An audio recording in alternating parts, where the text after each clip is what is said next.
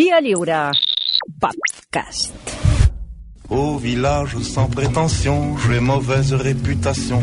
Je me démène ou que je reste quoi Je passe pour un je ne sais Hola, quoi. Santi Jiménez. Bon dia. Hola, Marco Motero, bon dia. Molt bon dia. Avui què? Quin execrable em porteu? Avui farem... Mira que n'hi ha d'execrables Avui, sueltos, eh? trufes con nata. Eh? Trufes con nata. Trufes con nata? No, avui, avui, avui ens fotrem amb, amb tota la... amb François Truffaut, Ah, que això vol dir que ens guanyarem un ordre d'allunyament del cinema Verdi durant una bona temporada, no? Sí, ella tota l'estona pensa en el cinema Verdi perquè viu al costat del Florida Blanca. Sí. Però serveix per Florida Blanca, eh? que Excepte... posin una foto a la porta i que l'ho deixin passar. No, no, no, avui no ens deixa passar. I a més el seu fill el fan fora del Liceu francès. Hòstia, perquè realment acabarem amb la tonteria que hi ha al voltant... En Truffaut? De... Sí, Per perquè... què, eh? Perquè, a veure, tots aquí portem ulleres, menys ell. Sí. Sí. Si portes ulleres ja t'agrada Trifó, no? Mm, Diguem-ne. se suposa, sí. Ets un tio així com intel·lectualoide i tal, un tio molt sencer. No! no! Era un pesat, hòstia. Sí, Això va dir que el, el Toni Garcia li envia- m'ha enviat un missatge. Què feu avui? Dic, no teniu ànima. Dit, no teniu ànima. Ja, no, perquè és un tio molt sensible, el Toni Sí, Garcia. sempre ho he dit. Sí, eh, és... Eh, eh, a veure, un geni del cinema, un tio que ha fet unes pel·lículetes que estan bé, però que estava més penjat que un llum de ganxo. Un home al qual el cinema, això li hem d'agrair al cinema, el va salvar d'acabar els seus dies com una social perillosa amb una mira telescòpica disparant a la gent. Un tipus carregat d'autor i complexes, que és l'arquetipus del pesat intel·lectual que només es mira el melic. De fet, les seves pel·lícules tenen un tema referencial que ell coneixia molt bé, ell mateix. Sí, les seves pel·lícules van d'ell. Bueno, és allò, bueno, però en lloc de retratar-se com un acomplexat, patètic, masclista i bastant pesat amb les dones, fins i tot, sí senyores, que estimeu a Trifó i dieu, ai, és que és tan guapo, les seves pel·lícules, eh, Antoine Duanel, no, era fregava l'assetjament al meu, el més pur estil Harvey Weinstein. Què dius, sí? Es reflectiva, ella es reflectia, en lloc de fer- de fer-se d'aquesta manera, es reflectia a les pel·lícules com un antiheroi incomprès i, i una, un, una pobra persona per, donar, per fer el compte de la pena. Mira, acabes d'entrevistar a, una, a una noia Sí. que estava explicant de que com comença allò, eh, la dominació. Pues, no, és que jo tinc una infància molt difícil Exacte. i tal, no sé què, i després et putejaré tot el que Sí, pugui. sí, sí, la víctima. Vale, vale pues aquest, aquest fent-se la víctima és més que reguilón. Vull dir, eh, parlarem del campió imbatible de la intensitat en un món com el cinema. El cinema, anomenat fa uns anys, i això va pels de l'ESO, les pel·lícules d'art i assaig. Sí. Això ja no es porta. No, ja no es diu això. Què són les pel·lícules de l'art i assaig que, estimats amics de l'ESO, us esteu preguntant? Pel·lícules on no passa res i no es poden menjar crispetes. No és veritat. Bueno, vale. Sí. Ja està. Així que enhorabona avui als fanàtics de les pel·lícules de veritat, les de Bud Spencer, les de Terence Hill, els westerns o els de Torrente, que avui saurem el divà del que no havia d'haver sortit mai a François Truffaut. Ai, va, home. Escolta'm. Estarem tot el rato amb trufa amunt, trufa avall. Va, per favor. Ja que pensava que posaríem más cine, por favor, de Aute, no? No, no ho sé, jo què doncs sé. no! No. No sé ni què és això, però això és horrible. Jo tampoc fins ahir. Va trufa, diu. molt, eh, trobar Liam i això. Cristóbal ara són els nostres, són els Liam i. Cristóbal, eh? Si voleu buscar... Liam i Cristóbal. Bueno. Doncs eh, aquesta cançó, homenatge Sí, sí. al pare de la Nouvelle Vague, de la Nouvelle Vague, serveix Segurament Liam i Cristóbal saben molt bé què és la Novel per... Vague. Segur. Home, i tant, ho, ho, ho, han probable. pensar, ho han pensar. Serveix per baixar una miqueta el nivell d'intensitat. Perquè avui eh, tenim l'intensòmetre, diguem-ne, po- pot superar tots els registres que es donarien si en un ascensor es quedessin tancats Lluís Llachs, Josep Maria Fotats i Núria Espert. I si, I si li poséssim a Guardiola ja, l'intensòmetre ja seria... El nostre amic intens va tenir una infantesa, com deia el Santi, bastant dura. I no perquè el seu cognom semblés un postre, no, no. Va ser, segons ell mateix reconeixia, un nen infeliç de pare desconegut, el qual la seva mare, en primera instància, va deixar a un hospici. Però acabar, va acabar sent criat per la seva àvia fins que la seva mare es va casar amb un delineant anomenat Roland Truffaut i quan tenia de- 10 anys aquest senyor i la seva mare van acceptar que ell visqués amb ells. Ah, perquè si no estava amb l'àvia. Sí, mm. no obstant, el fet de que torné, de, tornés a, te, a tenir pares no va canviar massa la seva vida. Els seus progenitors van passar absolutament d'ell, deixant-lo molt clar que feia nosa. Sí, vivien amuntegats en un minúscul pis al barri de Pigalle, a París, el barri d'aquella època més canalla de la capital, que estava farcit de prostitutes. Fet que va obsessionar de ben petit a Trifó tota la seva vida, que a partir d'aleshores desenvoluparia una afició intensíssima per a aquestes dones, a les quals va freqüentar compulsivament al llarg de la seva vida, tant a la vida real com a les seves pel·lícules. Ho sento, senyors i senyores admiradors, admiradores de la, dedica de la delicadesa del seu cinema. Sí, Trifó era un putero. Ai, Sí, per per favor. això no cal explicar, no? Vinga, no. Acaba val- d'explicar res més, ja. Val dir que els seus pares, a més d'ignorar el petit François, tampoc giraven massa rodó perquè vivien obsessionats per la natura. Això sí que és molt xungo. A veure. Sí, deixaven el nen sol al pis mentre marxaven a fer muntanyisme i escalada. Anaven a fer excursions i deixaven el nen al sí, sol. sí. Allà amb les putes. Any- Noi, any- anys prou, després, anys després, Truffaut abocava els seus pares, o Brusita, amb pantalons curts i carregant motxilles.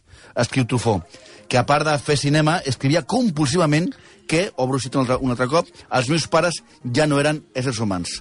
El fet de que fossin el meu pare i la meva mare era només una qüestió de pura casualitat, perquè per mi eren dos estranys. Home, estem parlant de que anaven d'excursió, no que reduïen caps i no guardaven en formol. jo entenc, jo entenc que els excursionistes són pesats, però Sí, tant sí, per no sí. veure'ls com humans, em sembla molt heavy, què vols que et digui? Tampoc tenia molts amics i era un nen molt solitari, obsessionat amb les prostitutes de, que- del costat de casa, que per sort per ell i pel seu braç, també hi havia al costat de casa seva un cinema on es va refugiar de manera que va fer les coses tota la seva vida. És a dir, compulsivament, obsessivament, intensament. S'escapava del col·legi per colar-se sistemàticament al cinema que li va obrir un nou món, que era la sortida d'emergència a la seva vida de merda. Sí, però ho va fer, com dèiem, compulsivament, i no d'una manera lúdica. La intensitat s'imposava a marxes forçades.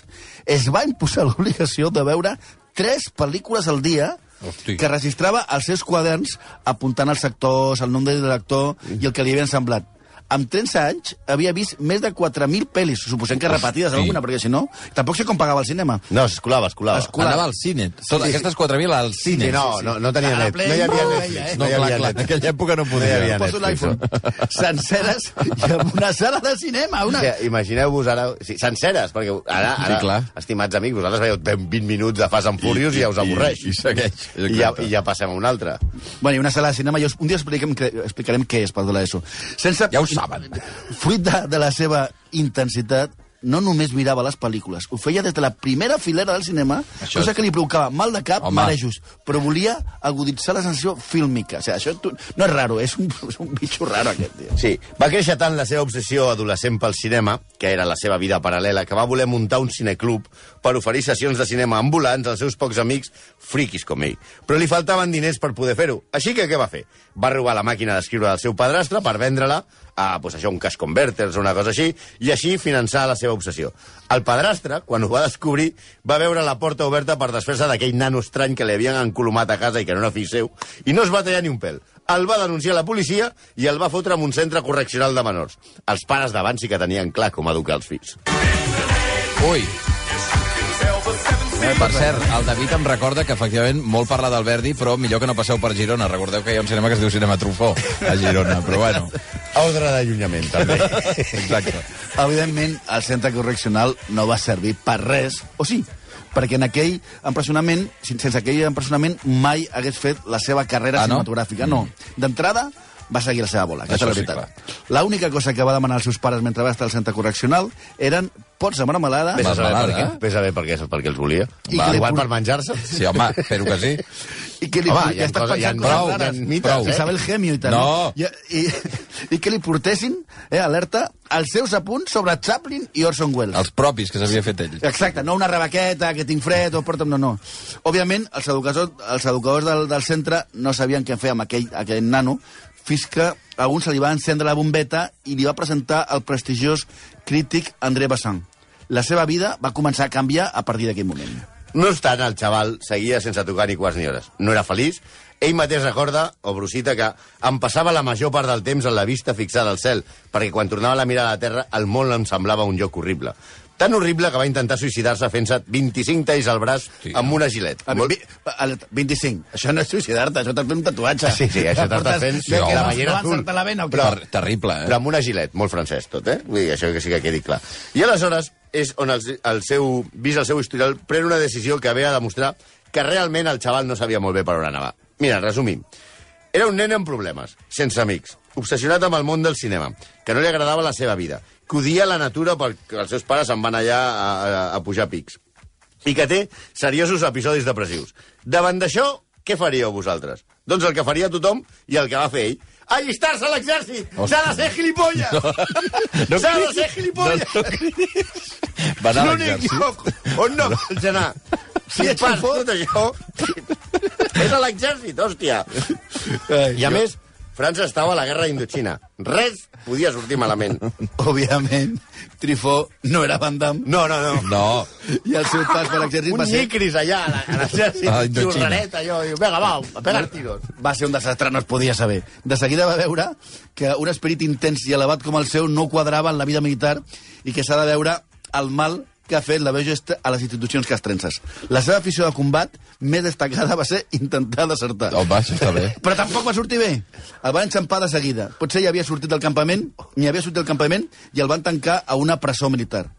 Però ni a la presó el van poder suportar. Juntament amb Evelyn Bock, té el gran honor de ser un execrable el que van fer fora de la guerra per insuportable. Van decidir enviar-lo a casa. Després el van enviar a casa i quan va tornar a París seguia amb la depre tipus el món no m'entén i mira que jo sóc genial i, i, i raro, però genial. I va intentar suïcidar-se un altre cop, sense èxit.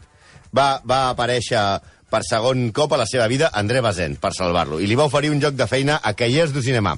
Que ve ser Cahiers du Cinema, us explicarem. Cahiers du Cinema és una revista de cinema que ve ser com el Don Balón, però pa- parla de pel·lícules, Però el Don Balón... al davant. No? Ah, perquè ja no es fa, no? No, no era perquè Però s'entengui. pels de l'ESO no entendran res per amb el Don Balón, tampoc. Pues pels de la El ESO, és que no hi ha, hi ha revistes ara, no? No, no, bueno. Panenca, els de l'ESO, tu veus el de l'ESO. No, No, Panenca. Mira, podria ser com el Panenca, però que s'ha de llegir com es llegeix el Panenca, no? Han posat molt seriós, Això. a ser possible fumant amb pipa Ara. i amb cara d'ensumar merda. Ai! Mira, com a crític va ser més de l'escola del Toni que del Blai, o del Monti. És a dir, un cabronàs, que deixava la majoria de pel·lícules a parir.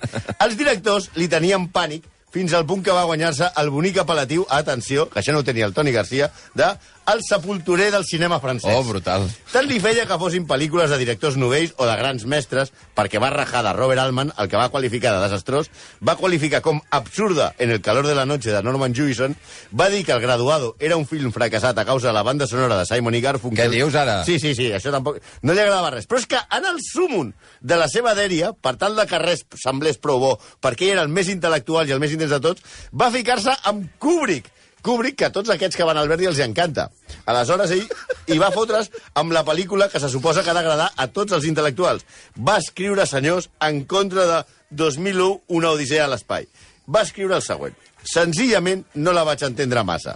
Ma molta maquinària, massa botonets grocs, massa botonets blaus... Haig d'admetre que tinc una mentalitat anticientífica. M'avorreix soberanament veure coets. Kubrick, ets a la llista, no descansis en pau. Sí.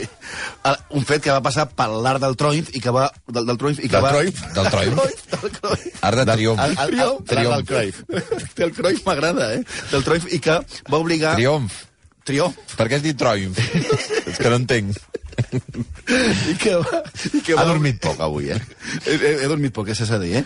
I que va oblidar quan ja era famós i Steven Spielberg li va oferir un paper de científic en Encuentros de tercera fase. Ah, sí? Aleshores el tema ja dels coets i els extraterrestres ja no li va importar tant. Clar, ja estava a Hollywood i mirava amb bastanta superioritat els seus contemporanis francesos. Especialment amb el seu amic, enemic o arxenemic Jean-Luc Godard, amb el que tenia una relació tipus Enric Millo, Gerard Piqué, Florentino Ramos... Estás que arrebatas, preciosa. Estás de lo más retrechera. Retrechera, m'agrada molt. Aquest qui és? Aquest Jorge Sepúlveda. Jorge Sepúlveda. El fundador de la li diem. Manolo Escobar. Diem Manuel Escobar, però és Jorge Sepúlveda. Va. És caminar Gansa, espera. No. Aquí no sé com no la van posar ahir a la manifestació. Vols ballar? No. Bueno. Gràcies. Cuando me miras morena de adentro del alma, un grito me escapa Prou, ja. Se No, ara que ve el... para decirte muy fuerte, Guapa, guapa, guapa i guapa. Prou, ja. No sé per què no t'agrada el passo doble, hòstia. Va. Per alegria immensa dels directors en actiu d'aquella època, Truffaut va aparcar el món de la crítica. Pe- Penseu que fins i tot li van denegar l'acreditació per informar sobre el Festival de Cants del 58, Oh. oh. du cabró que era, i es va posar a dirigir. Això, en principi, és com si jo o Pedrerol ens poséssim a jugar a futbol de manera professional. Però, bueno, ell ho va fer millor.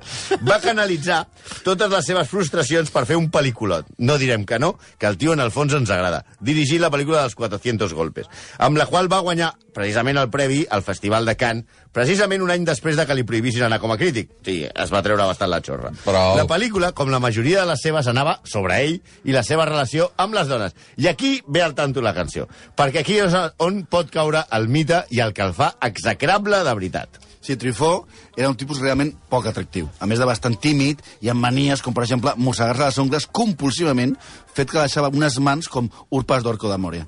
Però, en canvi, era tan intens i donava tanta sensació de vulnerabilitat que tenia un èxit impressionant amb les dones, cosa que li encantava perquè era un faldiller patològic. Recordeu que la seva infantesa, de nen solitari en un barri farcit de prostitutes, el que va fomentar una idea de les relacions sexuals que ahir a la tarda no hagués triomfat, ara hauria de dir cruifat, massa a la manifestació, que diem. Per ell, les dones eren mers objectes de decoració a les pel·lícules. La part interessant era, òbviament, ell. O sigui, les dones venien de, de complement. Ell deia, cita, de cometes, una pel·lícula en la que surti Catherine Deneuve, Julie Christie o Jacqueline Bisset no necessita argument. Estic absolutament convençut de que l'espectador troba la felicitat simplement en l'exercici de fruir mirant-les. Rematava la frase dient que la feina d'un director consisteix en que dones boniques facin coses boniques. Sí, les actrius no poden ser I lletges. això és la Nouvelle Vague? Cago en tot. Això és torrente. Tampoc és que eh, tingués una relació massa diferent respecte a la seva relació amb les dones fora de la pantalla. Ell deia, no sento cap remordiment en fer el que faig amb les dones, perquè jo no pertanyo a la societat dels homes. Tot el que faig, ho faig per les dones. Només vull mirar-les, tocar-les, disfrutar amb elles i fer-les disfrutar. Sí, sí. Les dones són màgiques, i per això m'he convertit en un mag.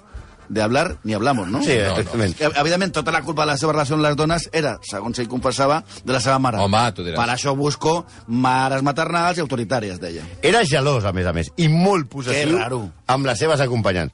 Com es sabia poc atractiu i tenia que acaparar tota l'atenció de les seves parelles sense competència, no permetia vetjades o sopars en les que hi haguessin altres homes.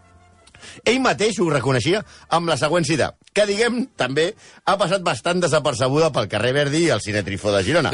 Ell deia, no se m'acudiria mai sortir a sopar amb un home. En això coincideixo amb Hitler Ja i hi som, Sartre. ja hi som. No puc suportar la companyia masculina per la nit. Per a mi, la nit suposa la vida privada en llocs privats. És a dir, intensos cinèfils admiradors de Trifó que quan us pregunten amb qui voldríeu anar a sopar i responeu el gran François, el gran François.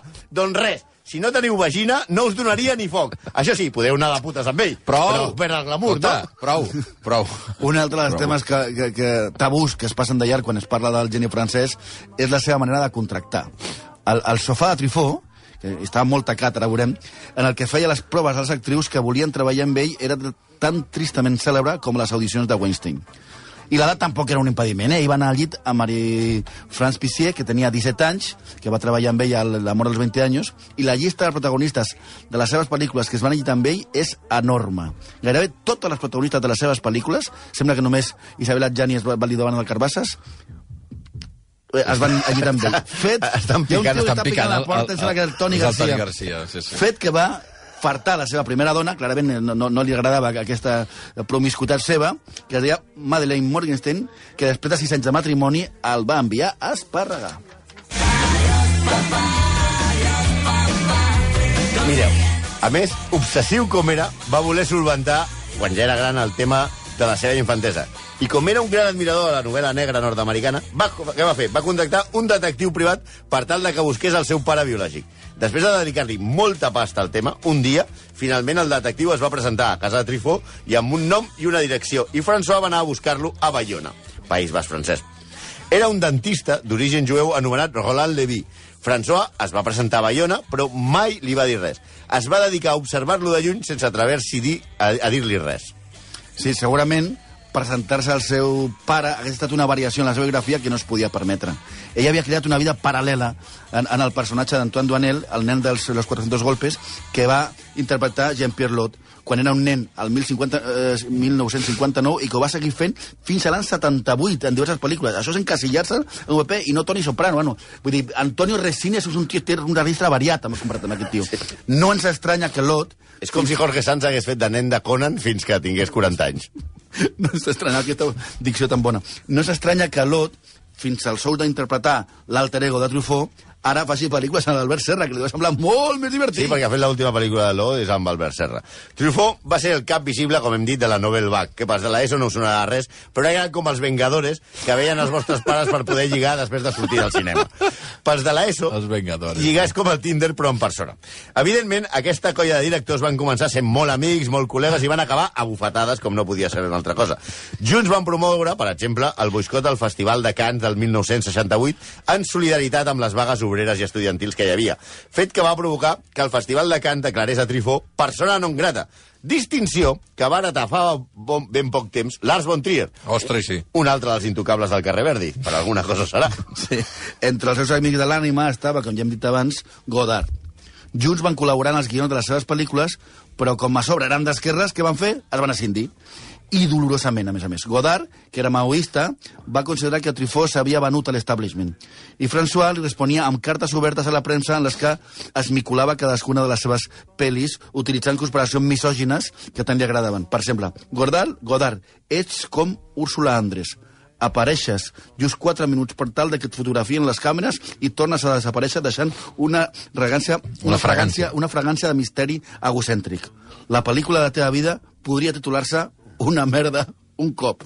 Una merda sempre. Vaja, és rotllo monedero orejón, encara que no veig a cap dels dos dient ets com Úrsula Andrés. En fi, un home que va fer d'ell mateix la gran obra de la seva vida, es va construir un personatge amb el que va aconseguir lligar contra tot pronòstic, ell i els aficionats parlant de Adrián Metro o la pell dura, he dit la pell dura, no us No, equivoqueu. no has dit res més, sí, no, no d'acord. utilitzant sempre les arts més dignes per, per, per intimar amb les altre- amb l'altre sexe, però que també s'ha de dir que ha facilitat a molta gent la possibilitat de fer-se l'interessant sense haver vist una pel·lícula seva.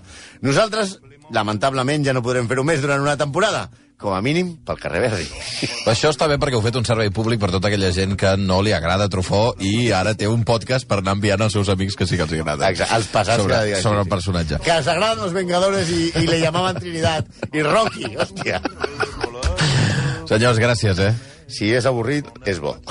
Adéu, execrables. A dormir. Monde viendra me voir pendu, sauf les aveugles, bien entendu. 11 i 6.